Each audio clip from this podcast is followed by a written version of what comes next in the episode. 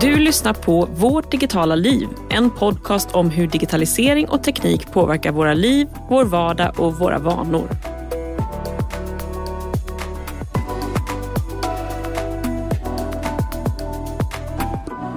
Kristin, Mm. hur mycket lyssnar du egentligen på poddar varje dag? Oj, väldigt, väldigt mycket. Kanske en till tre timmar om dagen. Och eh, ja, alltså jag, jag är verkligen en stor konsument. Jag kan inte sluta. Eh, jag kan inte gå hemifrån utan mina hörlurar på mig. Nej, men vad lyssnar du på?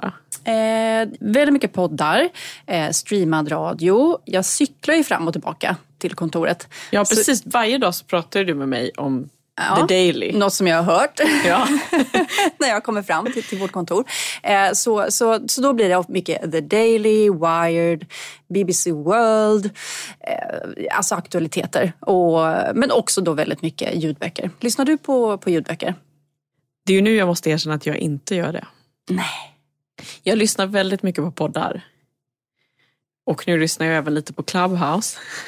Ja. Men jag kan inte lyssna på ljudböcker. Men varför inte Det, då? det funkar bara inte. Jag, jag läser ju mycket böcker och jag läser Mm. dem numera på mobilen för det är det enda sättet jag kom, har kommit på att det funkar. Liksom. Jag kan inte hålla i print för jag har ingen sänglampa som får vara tänd. Utan då läser jag på mobilen. Men Ja. ljudböcker det funkar inte för mig.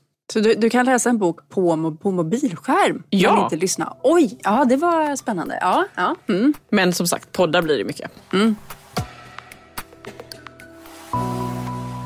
Okej, men du som lyssnar då mycket på poddar och ljudböcker är ju verkligen inte ensam om det.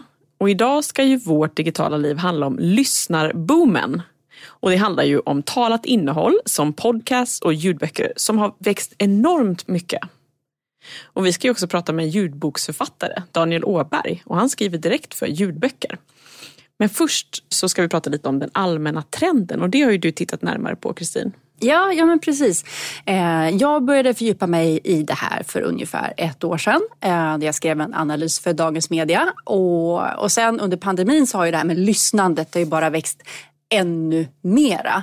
Eh, och, och jag brukar kalla det lite för en slamkrypartrend. Det är ett jättefascinerande ord tycker jag. Ja. Slamkrypartrenden. Ja, men alltså jag tänker så här, det är en trend som kanske inte uppmärksammats lika mycket som andra teknikskiften. För att, att lyssna är inte så mycket in your face för att prata lite, lite svengelska. Det här beteendet, det lägger man inte märke till. Vi kan inte riktigt avgöra om vår, vår granne på bussen, nu, om du minns när man åkte buss och tunnelbana innan pandemin, då man kunde riktigt se, lyssnar de på en ljudbok eller lyssnar de på vanlig radio eller lyssnar de på musik? Um, och, och det här liksom innehåll som är paketerat som ljud, det är ju som spritt över väldigt många olika plattformar. Så det gör att det är lite svårt att se helheten på hur många som faktiskt lyssnar. Men För att förtydliga lite här då, i det här avsnittet så kommer vi inte prata om just musik utan talat innehåll. Så podcast och ljudböcker framför allt. Jag vill du berätta lite mer om den här spelplanen då för ljudinnehåll. Ja, alltså det, är just det, det är svårt att se helheten för det är ju ingen riktigt en spelplan eller ett landskap utan det är mer som eh, en skärgård kan man säga. Eh, det är stora öar i form av då aktörer som streamingtjänster för ljudböcker. Vi har Bookbeat, Storytel, Nextory, Bokusplay och, och de där. Och sen finns det då streaming och musiktjänster som Spotify och Apple och de breddar ju sitt innehåll väldigt mycket utöver musik nu och de, de storsatsar på, på poddar. Och sen utöver det så finns det andra då stora aktörer som Sveriges Radio till exempel. Och om inte då det här var nog så finns det ju ännu fler lyssningsmöjligheter utöver det. Alltså varje webbsajt kan ju ladda upp ett ljudklipp idag som man kan eh, då lyssna på därifrån. Så, så det här blir ju som massa olika liksom öar av innehåll där användaren kan då röra sig då för lite tillgodose den här aptiten på att lyssna på ljudinnehåll. Men även om det är en skärgård då vi kanske inte kan få en översikt så ökar det ju. Kan du säga någonting om den här förändringen som har skett? Ja, alltså det här, det här har ju skett och verkligen en explosion de senaste fem åren. Så här, ljudböcker ökar och poddar växer ännu mer. Och i, tittar man på Sverige så är det en tredjedel som lyssnar på någon gång på ljudböcker eh, varje månad och nästan hälften lyssnar på poddar. Eh, så det, det är verkligen det är många som gör det här. Och det är inte bara i Sverige som man ser den här ökningen utan tittar man på USA USA och Storbritannien så är det också ungefär likadant där. Där är det lite mindre, ungefär en femtedel som lyssnar på ljudböcker. Så det är som en, ett brett beteende som i princip alla ägnar sig åt. Jag ska också säga att de här siffrorna från Sverige var ju från den senaste svenskan av internet. Eller Just det, precis. Mm. Men de här trenderna startar ju inte heller ur tomma intet. Vad är det egentligen som driver den här lyssnartrenden då, eller revolutionen om vi ska kalla det det? Ja, men det är ju flera saker. Eh, tittar man på då först tekniken så, så finns det ju många tekniska prylar och förutsättningar som inte fanns för, för tio år sedan. Eh, för det första så har vi som, det finns bred tillgång på så här billiga mobila dataabonnemang. Så att vi kan hoppa på då bussen eller tunnelbanan eller cykel eller gå på promenad och konsumera stora mängder data på språng utan att vara så här nervösa för att man ska få världens räkning som det var, kommer du ihåg Miriam, förr i tiden? Ja. ja, och så ska jag säga att det är mycket dyrare att ha sådana abonnemang i USA än här. I Sverige ah, också ska jag säga. Ja, ja, ja. Mm. Om man ska ha fast eh, abonnemang för data i USA så kostar det mycket mer än i Sverige. Ja, okej. Okay. Ja, det är intressant. För det, är verkligen, det, det hjälper ju till här i Sverige att vi, vi, vi streamar på som 17 och det, det vet att det kommer, det kommer vara hanterbart kostnad, för det är en fast kostnad. Och det andra tekniska då som, som driver den här trenden det, det är hårdvaran. Eh, framförallt då det som kallas för hearables eller då hörlurar. Eh, innan trasslade vi runt med alla sladdar. Nu så har de bluetooth och det har gjort att det blir en väldigt smidig lyssning. Och det finns många olika sorters lurar. Eh, så vi äger ofta flera par. Jag vet inte hur många har, har ni liggande hemma? Många par hörlurar? Väldigt många olika. Men jag har ju lite problem med de här bluetooth-hörlurarna för de åker ur mina öron. Ja. Så jag tenderar att gå tillbaka till de gamla med sladd hela tiden. Men jag har två olika bluetooth också. Ja, men jag har också. Vi har flera olika par som jag använder på lite olika sätt. Något som jag har på jobbet, man sitter vid datorn och så något man är ute och tränar. Man behöver något som sitter fast när man liksom hoppar och springer och så. Så det, det är som en, en, en annan hårdvar drivkraft som gör att det blir lätt att lyssna. Smarta lurar som är lätta att ta med sig och, och bra ljud. Um, men i Sverige, du jämförde med USA här innan. Uh, det kanske har med det att göra. För i Sverige så konsumerar vi mer ljudböcker än i USA. Och förutom då det här med att det är billigare att ha abonnemang i Sverige, mobilabonnemang, så är det också så att det finns en, en ganska annorlunda som betalningsmodell i USA jämfört med Sverige. För i Sverige, i, de stora ljudboksaktörerna här, de har en prenumerationsmodell. Så du betalar en månadsavgift och sen lyssnar du på så många titlar som du vill. Men i USA och England, den dominerande ljudboksaktören där heter Audible. Eh, och de har istället den här modellen att du betalar 15 US-dollar eller 8 pund i månaden och då får du en enda bok. Men, så, ja, som du äger då. Du måste alltså betala per bok. Och det kan man ju tänka sig att det, det är lite lägger sordin på det här att man liksom inte spontanläser fyra böcker om man inte absolut vill ha dem. Eller vad tror du? Ja, och nu, jag har ju redan avslutat att jag inte lyssnar på ljudböcker så jag visste ju inte om att det var så ja. just i USA. Jag har ju bara köpt böcker till Kindle när jag hade det en gång i tiden. Eller, eh, eller till min Apple-läsare liksom, i mobilen. Ja, just det. Ehm, e-böcker. Ja, ja e-böcker helt ja. enkelt. Men jag visste faktiskt inte det. Intressant. Ja, nej, men det gör ju såklart att det, det blir en väldigt stor eh, skillnad.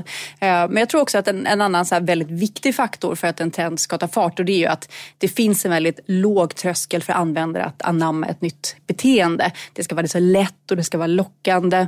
Eh, och då tror jag att det finns ett par saker som gjort att det tagit extra mycket fart med, med lyssning just i Sverige. Och, och det tror jag mycket är tack vare Spotify. För Spotify, de har ju, jag skulle påstå att de har, de har ju lärt oss tidigt att streama och betala för ljud AD som en tjänst. Och då tror jag att då är det lätt att anamma då som användare att man tänker, jaha men det, det funkar så jag betalar 99 kronor i månaden, jag får så mycket musik jag vill. Och sen ser man, jaha, det kan funka likadant med böcker. så då är det som att Spotify lite så här, lärt oss det här beteendet. Eh, och så tror jag inte heller att man ska underskatta att Sveriges Radio eh, har ju varit väldigt tidigt ute med att podifiera så här, breda attraktiva program som såklart Sommar i P1. Eh, och det tror jag också varit, fungerat lite som en inkörsport till poddvärlden för, för väldigt många svenskar. Men Miriam, du har ju bott i USA nu i, i många år. Lyssnade du då på, på svenska poddar och så? Tänk så här sommar och så. För de, de kom, lanserades ju lite medan du var där borta. Ja, det gjorde jag absolut. Jag lyssnade både på svenska och amerikanska poddar. Eh, alltså Sveriges Radio får ju en att känna sig lite hemma. Liksom. Så det var en naturlig del av min vardag, både poddar och nyhetssändningar och sådär. Så absolut, det skulle jag säga.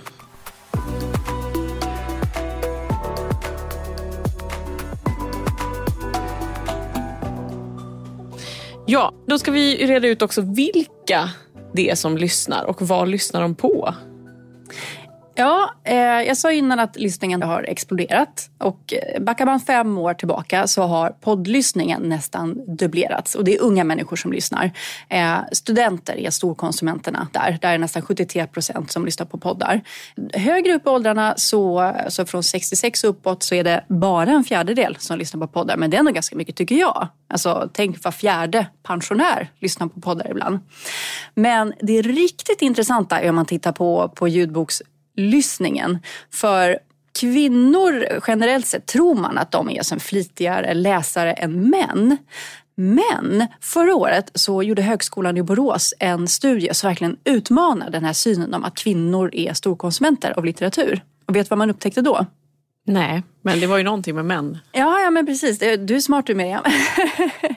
Nej, men, eh, Högskolan i Borås gjorde, en forskare gjorde en undersökning tillsammans med då, en av de här ljudbokstjänsterna, Bookbeat. Så de fick tillgång till, till data baserat på 80 000 användare, så det här är många användare. Och, eh, och, och då kan man bara börja med, så här, vad vet vi om läsning hittills? Alltså vanlig läsning. Jo, det är ju då att, att enligt här standardmätningen, Nordicom, så läser en svensk ungefär 22 minuter om dagen i snitt. Då. 22 minuter, till 20 minuter sitter vi ner och läser någonting. Och det är då framförallt kvinnor som läser mer än män. Men i den här ljudboksundersökningen då, då såg man att manliga lyssnare lyssnade mer än kvinnorna. Och, och, i vissa åldrar var det helt eh, alltså, galet kan jag inte säga, men, men verkligen så här, emot vad vi vetat om lyssning. Tittar man då på vissa män i åldrarna 18 till 20 år så kunde de lyssna 100 minuter om dagen på ljudböcker. Och det är jättemycket. Ja, det slog väl ändå hål på den här uppfattningen. Liksom. Och jag tycker också att det är fascinerande för att det är ju en sak att säga vad man gör. Alltså säga de här vanorna har jag. Kontra att faktiskt mm. visa det med faktisk lyssning som man har gjort här. Då. Ja, ja visst. Och, och som Bookbeat, ja, det är 80 000 användare så det är mycket. Nordicom brukar vara ungefär 2-3 tusen. Jag som är lite, lite nörd på de här undersökningarna. Så det är stort underlag? Ja, men det är stort underlag. Större, mycket större än, än Nordicoms. Men man får också fundera på vilka är då de här som unga männen som lyssnar så mycket? Har det spekulerats lite i det? Ja, men det är kanske de som har eh, som, vissa typer av, av, av jobb. Så att om man, man är ute och jobbar, vad vet jag, man kanske jobbar i parkförvaltning eller någonting. Eller man är målare målare, då kan man ju stå kanske och lyssna hela dagarna på böcker eller poddar eller så. Så det, det finns kanske en förutsättning också eh, som, som skapas i att man kan lyssna på, på böcker och innehåll på ett annat sätt då, jämfört med tidigare än att du ska traditionellt sitta ner med en bok och läsa. Som är då det, det fina sättet att läsa. Ja, men nu när det då har blivit så populärt att lyssna på till exempel ljudböcker, påverkar det den här produktionen av böckerna? Ja, det gör ju det. Um, både förlag och författare de anammar den här nya trenden och de har börjat producera direkt för ljudbokspubliken. Och, uh, så jag tänkte att vi ska prata lite med en ljudboksförfattare, Daniel Åberg.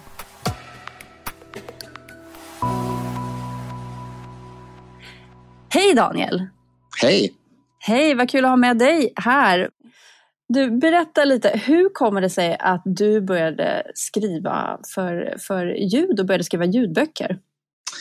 Um, jag kom in på det faktiskt via när Storytel skulle dra igång sin Storytel Original-satsning för uh, snart fem år sedan nu så var jag en av de författare som de kontaktade och frågade om jag kunde vara, tänkas vara intresserad av att haka på det här uh, och, och vara en av de författare som de skulle liksom starta upp projektet med, eller vad man ska säga. Och eh, jag eh, höll på och jobbade lite grann då på ett manus som jag, efter att de hade presenterat sin vision av vad, vad det här skulle vara, liksom, så kände jag att ja, men vad fasiken, det här kanske är ett manus som skulle passa för det. Och det var ju då det som sen kom att bli eh, min ljudboksserie Virus, som sen då kom att bli den ljudboksserie som de har kört i den här original-satsningen som har gått längst, som har hållit på längst och sådär. Jag har ju skrivit sju böcker i den serien. Så det får man väl ändå säga var en, en, en, en lyckad, lyckat att de tog kontakt med mig för det slutade ju helt okej. Okay. Mm, och, och, bara för att förklara lite, det handlar ju inte, virus inte som i covid, utan det här var ju något som du började på innan corona. Ja, gud ja. Det här var ju då början på 2016 och det var en idé som jag hade filat, jobbat lite grann från och till med sedan typ 2013 eller något sånt där. Så jag hade liksom ett embryo till en berättelse. Så att, nej, det hade ingenting med covid att göra och det här viruset som drabbar världen i min berättelse är ju en, eh, alltså inte för att liksom förringa allvaret i, i den pågående pandemin, men eh, den här pandemin som drabbar Stockholm först i min bokserie, där dör ja, 99,5 procent av mänskligheten inom loppet av några dagar. Så det, mm. det är helt enkelt... Ett ännu värre scenario. Ja. Eh, alltså, ljudböcker har ju växt väldigt mycket och just under pandemin så när vi sitter hemma så lyssnar vi ännu mer på ljudböcker än tidigare och det driver väldigt mycket tillväxt inom bokbranschen just nu. Eh, hur, hur ser du som, som författare på den här ljudbokstrenden? Att vi vill lyssna på böcker? Alltså för mig har det ju fungerat väl får jag ju ändå säga. Liksom, jag menar jag har ju, i och med att jag har liksom jobbat med det här nu i, i fem år och, och, i princip kan försörja mig på det, vilket jag ju absolut inte kunde. Jag kunde absolut inte försörja mig på mitt författarskap innan jag började med det här. Eh, så, så får jag väl ändå säga att, att för mig har det ju fallit väl ut med ljudbokstrenden. Jag var ju även tidigare, ska sägas, en, en stor ljudbokslyssnare och det var väl delvis på det sättet de hade liksom fått upp ögonen för mig också för att jag hade visat intresse för ljudböcker under ganska lång tid och, och skrivit om det i olika bokbranschsammanhang och sånt också och varit lite aktiv i den debatten om den pågående digitaliseringen av bokbranschen som ju redan hade liksom pågått ett antal år när ljudboksfenomenet tog fart på allvar. Ehm, mm. Um, och uh, så jag menar på det sättet så får jag ju såklart säga att ja, att jag har liksom på något sätt gynnats av, av ljudbokens framväxt. Sen är det ju såklart att jag, jag ser ju inte heller att det är odelat positivt liksom, med eh, att, att, att, att vi hela tiden bara pratar om ljudböcker nu och så där kanske. Det, mm. det har blivit hur menar du då? Ja, men det har ändå, jag menar, även om det nu, nu de senaste veckorna till exempel så har det pratats mycket om att, att bokbranschen mår väldigt bra, den omsättningen ökar och, och, och, och sånt. Och det, och det var liksom när, när branschstatistiken för 2020 eh, presenterades nu i slutet på februari så visade det ju på att, att 2020 blev ett väldigt bra år för bokbranschen som helhet i Sverige trots pandemin. Och då är det ju just som du nämnde att det är liksom det digitala som driver utvecklingen som, som nu att, att mer än hälften av alla böcker som, som liksom publiken tar till sig är idag ljudböcker liksom, om man ser till antalet, eh, till volymen. Sen är det ju fortfarande så att bara ungefär en fjärdedel av pengarna kommer från ljudböcker. Det finns ju en rädsla hos många eller i alla fall hos en del, att, att det här på något sätt ska skada den kvalitativa eh, litteraturen. Eh, eller ja, den, den litteratur som kanske inte riktigt fungerar lika bra på ljudboksplattformarna. Och, eh, Ja just det, för, för det, som det är ju lite relaterat till det att, att ljudbokslyssning, de får, det får ju sig ibland lite en, en, en känga eh, för att det är, det är mer kommersiell litteratur som går bra i ljudformat. Det är de stora deckarna, det är Nordic Noir, det är chicklit etc är det mer eh, eh, lättillgänglig litteratur som man lyssnar på? Ja, alltså man ska ju man ska inte säga att det enbart är det, för det finns alltid undantag och det, och det finns, liksom, det finns undantag på det där liksom stora episka romaner som också fungerar liksom väldigt bra i ljudbokstjänsterna. Eh, men visst, alltså ska man liksom ta fram en, den typiska ljudboken så är det ju en spänningsroman Eh, som ofta då är en del av en längre serie. För, för det är ju någonting som också har blivit väldigt tydligt i dessa ljudbokstider att, eh, att lyssnarna vill kunna lyssna på flera delar, alltså, alltså som en deckarserie, om jag tänker liksom som paret Kepler, liksom, eh, som, som, som har liksom gett ut åtta böcker i samma serie. Och man vill liksom kunna följa samma kommissarie i ett antal böcker, liksom, eller samma hjälte eh, i vad det nu må vara. Liksom, då. Eller, eller inom feelgood-genren att, att det är fokus då kanske på en återkommande rollfigur som, som, som, som man får följa i ett antal böcker. Så mm. att, eh, och, och, det där är någonting som har blivit väldigt tydligt. Och då är det ju då såklart så att medan då den kanske eh, den mer finlitterära litteraturen har svårare att nå fram i de här ljudbokstjänsterna. Och där kan man ju då fundera lite grann över vad det beror på.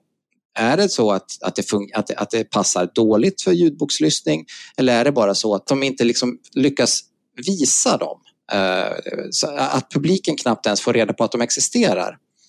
Och det där tror jag liksom är en eh, eh, jag tror att branschen, alltså bokbranschen överlag, måste bli bättre på att, att visa upp att vi ger faktiskt inte bara ut deckare i, i ljudboksformat, vi ger även ut de här böckerna. Och där måste liksom eh, Bokförlagen måste bli bättre på att pusha dem. Strömningstjänsterna som Storytel, och Bookbeat och Nextory måste bli bättre på att visa upp de här böckerna för publiken. Det måste bli lättare för de som vill lyssna på den här typen av litteratur att, att se att aha, finns den boken här? Och likaså måste det bli ett mindre fokus jag tänker liksom i vanlig media på att, att bara prata om pappersböcker. För att, jag menar, säg att du slår upp eh, Sydsvenskan eller Dagens Nyheter eller något sånt och du tittar på recensionerna och då står det ju alltid typ så här liksom att ja, den här boken är ja, ny, ny bok och så står det recension och så står det det utgivande förlaget och så står det kanske hur många sidor den är på. Liksom, en liten faktaruta som ackompanjerar recensionen. Men nästan aldrig så står det ju en anges det ju huruvida den här boken finns utgiven som ljudbok också eller inte. Eh, måste ju fråga också då, hur, hur ser dina egna läsvanor ut?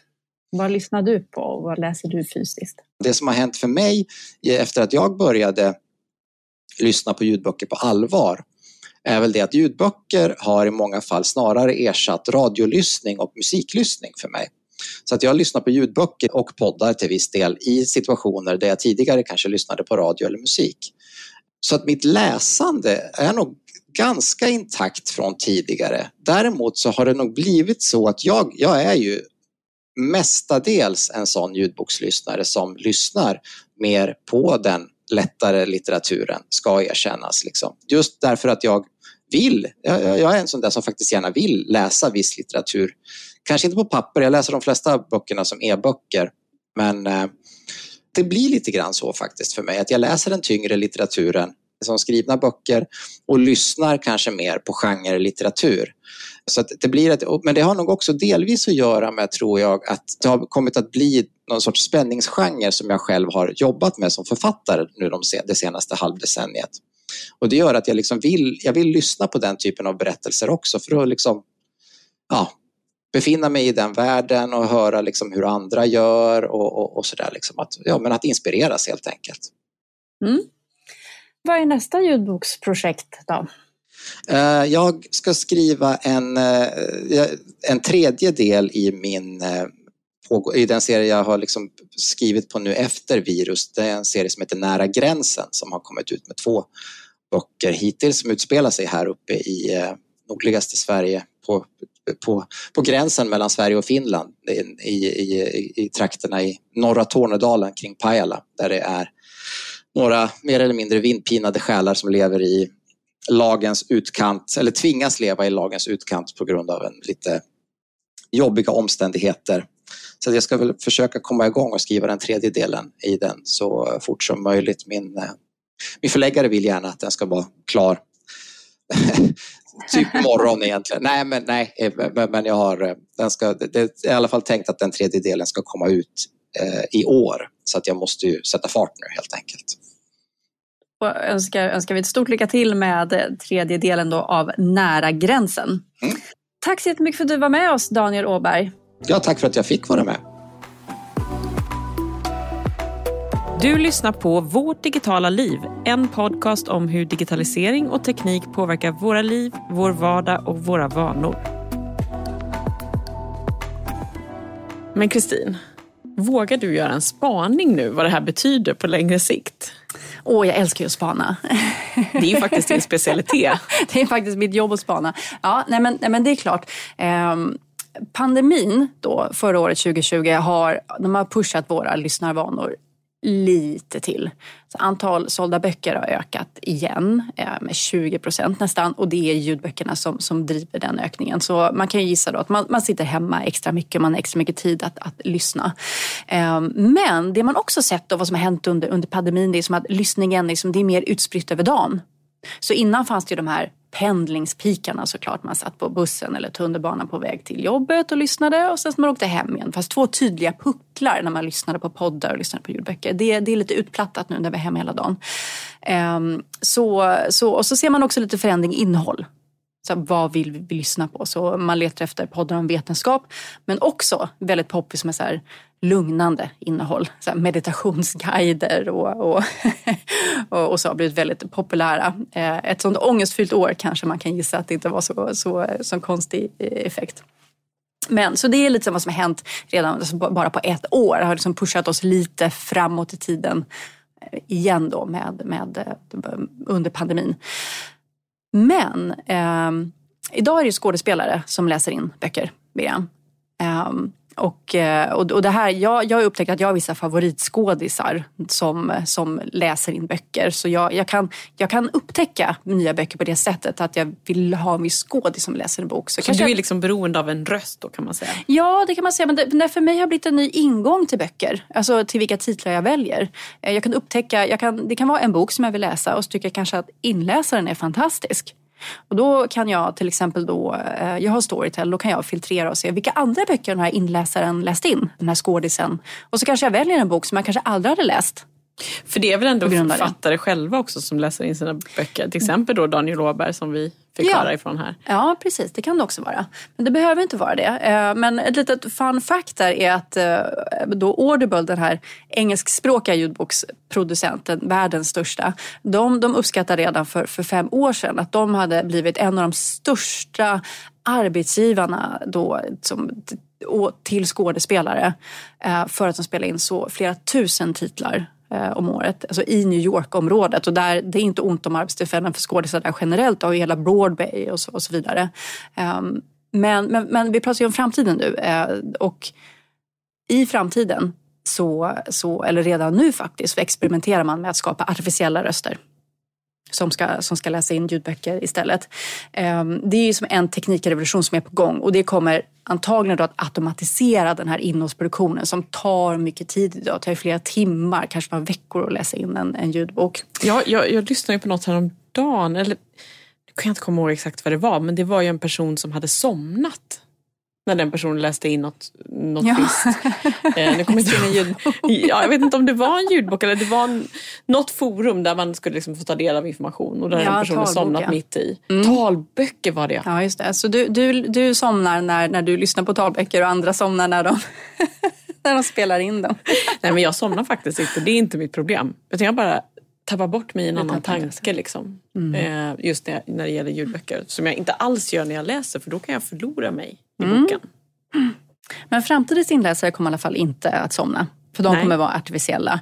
Eh, och det finns ett kinesiskt teknikföretag. De har skapat avatarer av två kinesiska författarröster. Eh, och utvecklar då en teknologi som gör det möjligt att virtuellt läsa in då ljudböcker. Eh, och Eh, och det här, den här nya tjänsten har, har producerats så tillsammans med ett kinesiskt e-boksföretag som heter Changju Technology. Eh, och jag hörde också faktiskt Storytels VD berätta att de har i Ryssland testat dem en, en, en virtuell AI-röst som kallas för, jag tror de kallar den för Robot-Ivan. och provar att låta den, den, då, den rösten att läsa in böcker istället. Men, men det här kinesiska företaget eh, de funderar i alla fall på att skapa då röstavatarer för flera kända profiler. Och det här betyder att i framtiden så skulle man kanske som läsare kunna välja i princip vilken berättarröst man vill ha på en mm. bok. Man skulle också faktiskt kunna använda eh, avlidna personers röster. Det finns ju en del legendariska röstskådespelare. Tänk på Margareta Krook och så vidare. De har fantastiska karaktärsrika röster. Deras röster skulle kunna komma tillbaka och läsa in nya verk. Sen etiskt så kan man fråga sig vad man, vad man tycker om det. Men antagligen snart helt möjligt. Mm. Och jag lyssnade ju faktiskt på en intervju med eh, succéförfattaren Malcolm Gladwell. Mm. Malcolm. Han lyfter fram eh, en kulturellt intressant aspekt av lyssnarrevolutionen och det är nämligen det här maktskiftet från de som skriver väl till de som uttrycker sig väl. Och han säger då It's a bounce of power from people who write well to people who talk well.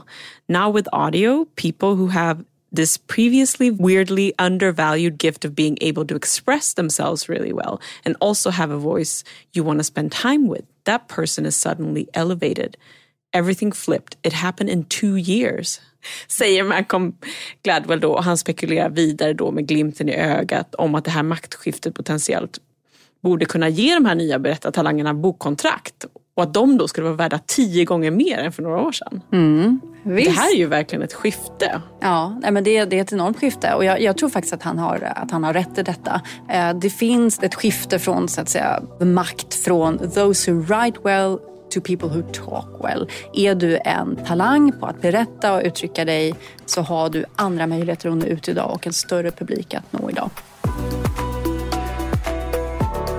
Nu har du alltså hört Kristin Heinonen och Miriam Olsson Jeffrey prata om lyssnarrevolutionen i vårt digitala liv. En podd om hur teknik påverkar våra liv och vanor. Vill du höra av dig till oss? Maila oss jättegärna på hej vartdigitalaliv.se